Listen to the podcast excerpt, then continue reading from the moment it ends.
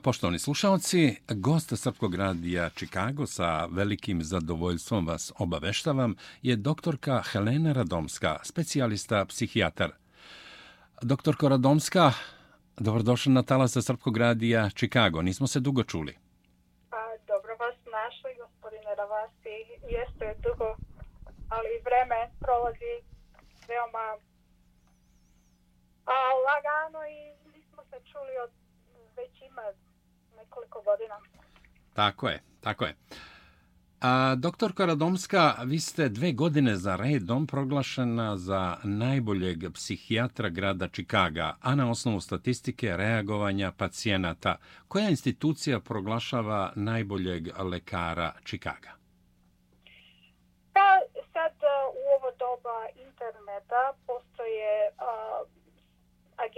koje vode računa da rangiraju doktore prema pa, reakcije pacijenata. Tako da postoji jedna agencija koja se zove ZAGZAG, to je agencija koja referiše pacijente za svakog stručnjaka doktora. I na, toj, na tom sajtu postoje sve како фидбек што се зове од пациената, така да ја имам од 590 пациената кои су се ранговали, моје од 5 звездите 4,9, така да Дакле, ако, ако стиснете моје име, тамо покажа ќе се да јас сам прва.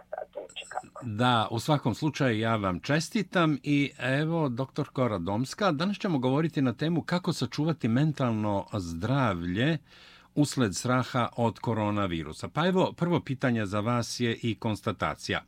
U vreme kada je planeta suočena sa pandemijom koronavirusa, slušanje, gledanje, čitanje uznemirujućih vesti o broju preminulih i zaraženih izaziva osjećaje straha, uznemirenosti, zabrinutosti, panike, ljutnje i stresa.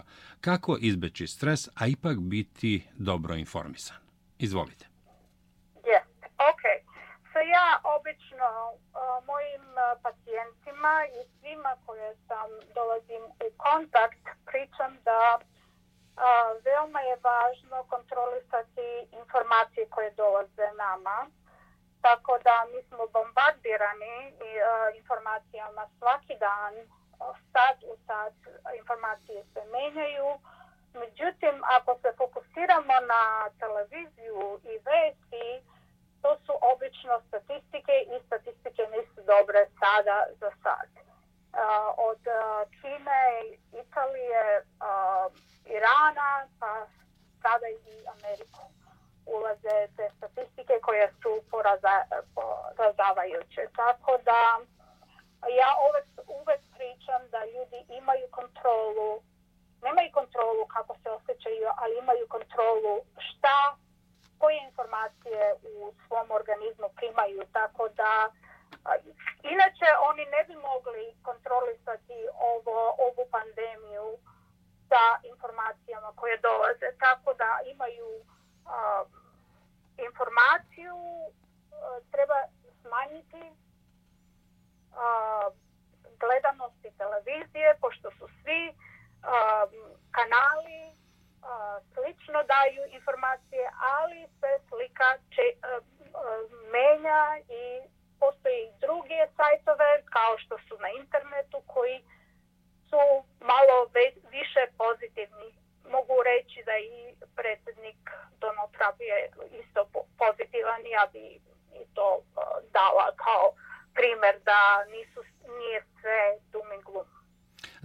sve crno kao što izgleda. Da. A doktorko Radomska, a svet je preplavljen raznim teorijama zavere i lažnim vestima koji izazivaju zabrinutost, najblaže rečeno. Uglavnom smo svi u nekoj vrsti izolacije. Vremena imamo na pretek. Neki veruju, a neki ne, raznim informacijama. Kako pronaći smirujuću sredinu i izbeći dramatične emocionalne reakcije i potrese? Pa ovako, teorije zavere, mislim, um, to je sve relativno. Stvarno, postoji jedan, um, jedno more fake newsa ovdje u Americi i u čitavom svetu. Veoma je teško običnom čoveku da, uh, da segregira šta je uh, tačno, a šta ne. Mislim, um, veoma uh, brzi i vole tu katastrofu da, da se da veruju na neke katastrofalne stvari što se dešava. I to im podiže adrenalin. Isto tako treba izbeći bilo kakve dramatične i negativne i konspirativne vesti. Isto tako. Da, jer to na neki način podiže adrenalin, pa ljudi što se više plaše, to su nekako pod navodnicima skloni da gledaju te katastrofične vesti. Je, tako. Doktorko Radomska, Stručnjaci govore o akutnom i hroničnom stresu. Da li vesti o pandemiji mogu dovesti do psihosomatskih bolesti, šta raditi i kako sprečiti te bolesti? Pa znate šta, ja sam primetila da naš narod ima, uh, da li je to kulturološki ili je sa uh, historijski, nemaju um, nemaju način kako da izraze emocije ili da pričaju sa emocijama. Tako da oni potiskuju svoje emocije i to se izražava na, njihove, na njihovo zdravlje javlja se glavobolja, želudačne probleme, probleme sa tisanjem visokim pritiskom, neki ljudi dobijaju simptome COVID-19, samo dok idu do prodavnice. Tako da to, to je u akutnom stanju, ali sa kroničnim stresom ljudi doživljavaju različne probleme, tako da krvni pokačeni krvni pritisak, žlezde, lačenje žlezda, autoimune reakcije, imunitet pada.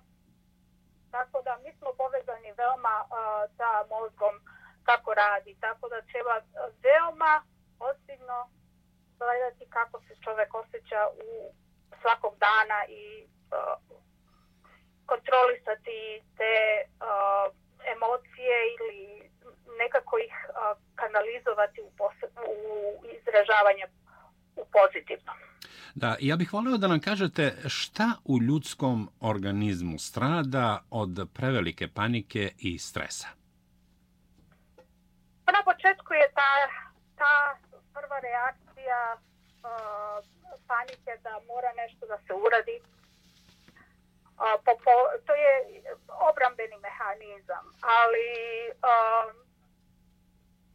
visoki pritisak pod dejstvom adrenalina, adrenalina sami ste rekli, tako da um, srce um, javlja se ta, tahikardija, ljudi ne mogu da dišu normalno, znoje se prepuno, um, utiče i na mozak, ne razmišljaju normalno, spavanje se poremećuje, apetit pada, energija isto tako po tom koji non stop cirkuliše u našem organizmu. I tako hronično, ja, srčani bolesnici imaju taj problem sa kortizolom i uh, problemima stresa. Da. A, doktorko Helena, koronavirus, odnosno COVID-19, pogađa sve polove. Na početku su govorili da on pogađa uglavnom muškarce, međutim e, kako se pandemija pod navodnicima zahuktala, vidimo da stradaju i muškarci i žene i deca, a pogađa i sve dakle starosne dobi. Posebno su ugroženi stariji. Šta njima savjetujete i kako da koliko toliko poprave raspoloženje kada su danima u izolaciji, kada su izbačeni iz takozvane zone komfora. Ne viđaju svoje najbliže, uglavnom su u kući, imaju možda i neke druge bolesti. Dakle, na koji način ovaj, savjetujete starijima da se nekako odbrane od svega ovoga što donosi ova pandemija? starih osoba je problem ovdje u Americi. tako da, ali kao pozitivno, zato što su izolovani, oni bi bili manja grupa osoba koji bi pozitivno bili na koronavirus. Zato što ne izlaze puno, ne, nemaju kontakt sa ljudima koji su u, u erijama, u publicnim erijama, kao što ne putuju puno. Ali trebaju um, puno podrške, da li je to familija ili je um, neki pored njih koji živi, tako da ja bi apelirala nekoga, mislim, naše, naša, naš narod je obično veoma dobro povezan, tako da, da čekiraju kako stari ljudi e, doživljavaju ovo i sa, ne znam kako je sa lekovima, da li mogu da dobiju. Ja znam da neke farmacije i šalju lekove um, preko pošte takvim osobama, ali izolacija mislim da je veoma teška u I u svakom slučaju, dakle, neophodna empatija, kontakti, svakodnevno zvanje i proveravanje da li su dobro i kako se osjećaju.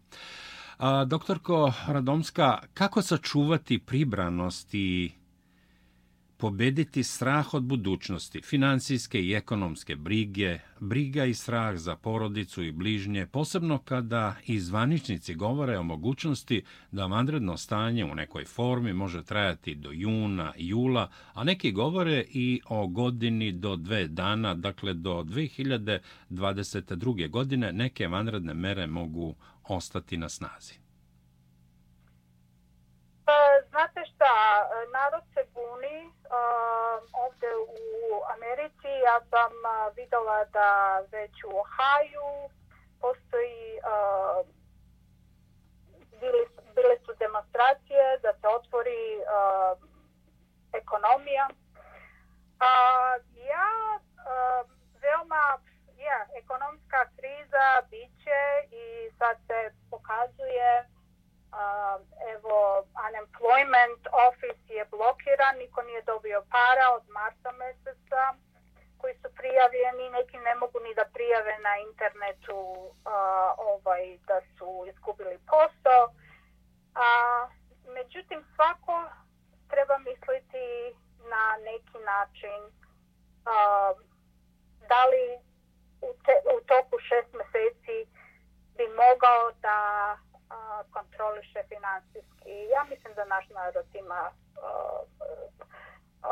dobre resurse. Amerikanci tu su, tu padaju, mislim, oni žive od mjesec na mjesec, tako da, ali ja opet sam pozitivna i da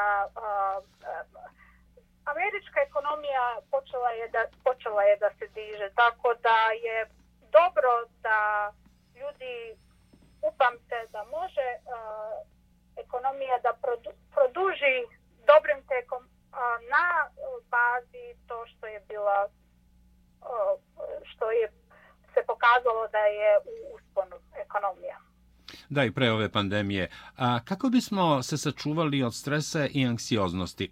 Stručnjaci govore o kontroli pod navodnicima vremena, izlaganju informacijama o koronavirusu, odnosno COVID-19. Na koji način kontrolisati to vreme? Da, ok. So ja pričam mojim pacijentima da moraju da ustaju rano, a, da se spremaju kako da idu šivenje, obući se, ako ima neko fizički da je aktivan ujutru, kažu da nije dobro da se izlazi napolje. Ja ne vjerujem u to. jedan bit lekova je vitamin D i izlaženju suncu. Da ne, ako rade da bi proveli da alternuju rad na kompjuteru i fizički rad svakih 3 do 4 sata i ne više od 8 sata radnog ako rade u kući. Tako da bi trebalo uveče sa familijom da mogu da spreme lep, lepu večeru i da nađu neke igrice koje bi ih a nekako um, promenili, um, ne mislili na, ovu, na, ove probleme koje sad imaju. Da uzmu ovaj period kao da je neki produženi odmor, da se malo više odmora. Da, dobro, nije lako, ali u, u svakom slučaju dobar savjet. Poštovani slušalci, gost Srpskog radija Čikago je doktorka Helena Radomska, specijalista psihijatar. Doktorko Radomska, Mnogi su stigmatični prema obolelim od koronavirusa i inače prema bolestima Svjetska zdravstvena organizacija savjetuje budite empatični. Šta znači biti stigmatičan? Dakle, evo sama reč govori o, o, o tome da su to osude e, mentalnih poremećaja, invaliditeta, bolesti, kao što su, ne znam, guba, evo sad i koronavirus. Izvolite. Pa, znate šta, ovaj, je lako. Svako kad je u krizi razmišlja samo o sebi i svojim najbližima. Međutim, um, ljudi su ljudi i ovaj, stigma postoji uvek. I ja ne znam, to je uh, instinktivno se javlja kod ljudi. Međutim, treba smanjiti stres, treba razmišljati na malo dugačke staze, ljudi koji imaju spiritualnost, ja ne bih rekla religiju, ali više u crkvu, imaju drugi način razmišljanja, tako da um, postoji neki bit da se malo ne fokusiraju na sebe i na svoje probleme, nego na kao globalno društvo koje ima sad neke probleme i pomoći svima bez razliku jer su pozitivni, nisu pozitivni na kraju svi ćemo biti imuni na COVID. Da, da, da, svakako. U smislu. Ali ja, da je ovo u stvari jedan stres koji će proći.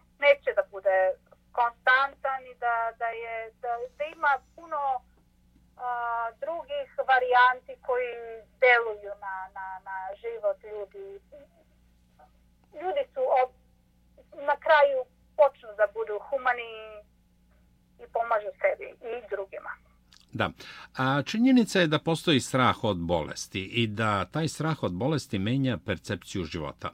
Naime, evo, nosimo maske, gumene rukavice, držimo takozvanu socijalnu distancu, izbjegavamo kontakte. Da li je moguće promeniti ukorenjene navike, posebno kod našeg naroda, rukovanja, grljenja, ljubljenja i bliskih kontakata bez psihičkih posljedica? Znate šta, naš narod uvek će se znači kako bi se pozdravio, mislim, kako su iskreni pozdravi, ne, mora da znači da mora se poljubiti nekoga da bi se izrazila srdačnost. Ne, ne znam da li bi a, ljudi bili jeste, neki ljudi i e, zato što su izolovani u posebnom svojem karantinu i ne mogu da vide svoje bliže, a, strašno su apate, apatični i depresivni. Međutim, ja mislim da ovaj COVID biće je privremen, evo sad imaju i lekove koje su veoma affected me. He missed him diye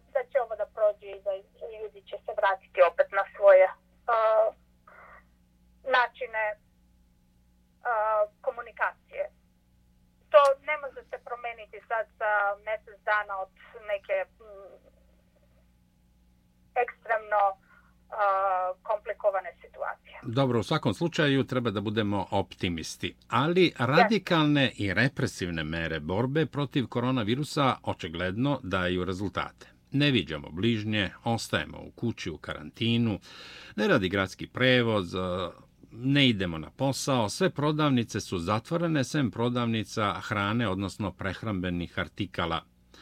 Zabranjena su putovanja, ljudi su na početku kupovali ogromne količine hrane, začuđujuće, toalet papira. Dakle, došlo je do ludila kupovine. Da li time ljudi pokušavaju zaštititi sebe u smislu preživljavanja ili je u pitanju nešto drugo? Pa znate šta, kad je čovjek u panici, ja mislim da razum ne deluje veoma normalno. Ljudi rade neke stvari koji su stvarno van razuma ovo kupovanje toaletnog papira i mene je konfuziralo na početku. A posle sam saznala da 40% od pacijenata sa covid imaju diareju, to znači imaju problema sa, sa ovim... Digestivnim traktom. Ko, i tako da, a isto i toaletni papir se koristi u svakodnevnom životu, može se lako flaširati, tako da ja mislim, ja, ja stvarno ne znam da je neko pričao i ko je raširio tu um, famu ili da se mora kupovati taj papir i to sve.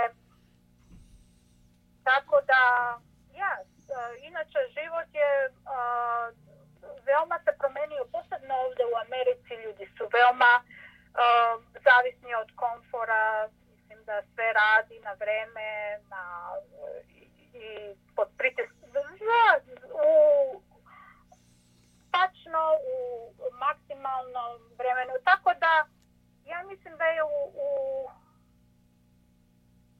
dugo, dugoročnom planu ljudi moraju malo da se promene. Ovo nije e, trka, e, život je e, treba malo stati, razmisliti šta je važno, šta nije, uglavnom svaki komfort i ovaj komfort je dobar komfort, biti kući, biti sa svojima, ne, ne juriti dan za danom i za nekim dolarom koji na kraju krajeva je važan, ali ne toliko za, za život u globali i psihičko stanje ljudi. Da, doktor Koradomska, činjenica je da Amerikanci nisu navikli da nemaju komfor pod broj 1 kupovine. Dakle, a sad u prodavnicama koje su otvorene od Đula, e, Volmarta, Targeta, Aldija i tako dalje i tako dalje, nailazite na činjenice koje su nesporne i na koje Amerikanci nisu navikli, mi jesmo u, u tim nekim kriznim i ratnim dobima na prostorima bivše Jugoslavije. Dakle, imate ograničenje kupovine brašna, možete kupiti dva pakovanja šećera, ne znam, e, e, toalet papira ima, ali je ograničeno da kupujete, ne znam, jedan ili, ili dva pakovanja, jedno ili dva pakovanja. Dakle, mi smo na to navikli, oni nisu navikli, govorimo o domicilnim Amerikancima, ljudima koji su ovdje rođeni. To je za njih nešto potpuno novo. Pa s tim u vezi verovatno će to biti poučno da ponekad razumeju i one koji nemaju i one koji žive desetinama godina u restrikcijama i pod sankcijama. Jest, jest.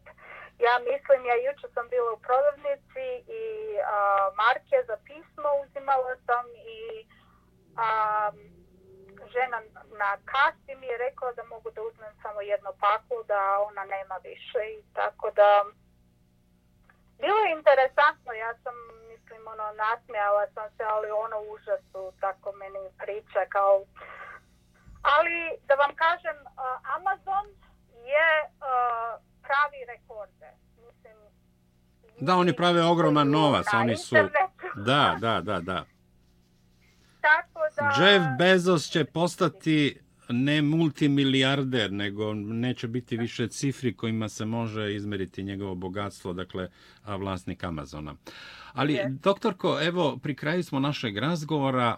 E, kažite mi, šta mislite kako se suočiti sa posljedicama pandemije i kako imati adekvatan individualni i kolektivni odgovor za budućnost? Pa, sa moje gledne tačke je izbaciti svake nevažne stvari u životu. Da opet se vodimo na one glavne i važne stvari u životu, da je čovečki život najvažniji, da je porodica najvažnija, da je zdravlje najvažnije, i naši odnosi. I da se malo, da ne jurimo na ne, za neke materijalne stvari koliko smo jurili i zaboravimo na ove osnovne stvari. Da, da zaboravimo na bližnje, na prijatelje, na sve ono što čini životnu radost i oplemenjuje naše živote. Jeste, ja mislim da je ovo ipak okrenut će se na pozitivnu stranu i a, svaki stres nije lak, pozitivno financijski dovuče svakak, svakakve vidove stresa, ali na kraju ljudi moraju da se promene, da promene način života i da sa nekom novom viziju krenu u budućnost. Da. A, doktorko Radomska, a, mi smo mhm. dugogodišnji prijatelji. Meni je zaista zadovoljstvo što ste ponovo gost Srpkog radija Čikago, pa hoću da kažem nešto što će verovatno i vama biti simpatično.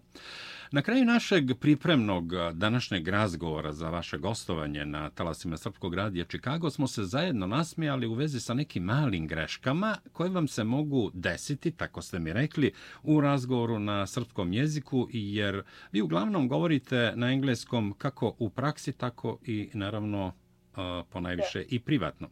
Pa smo konstatovali, smejući se zajedno, da ćemo smehom i dobrim raspoloženjem protiv koronavirusa izvojevati veliku pobedu.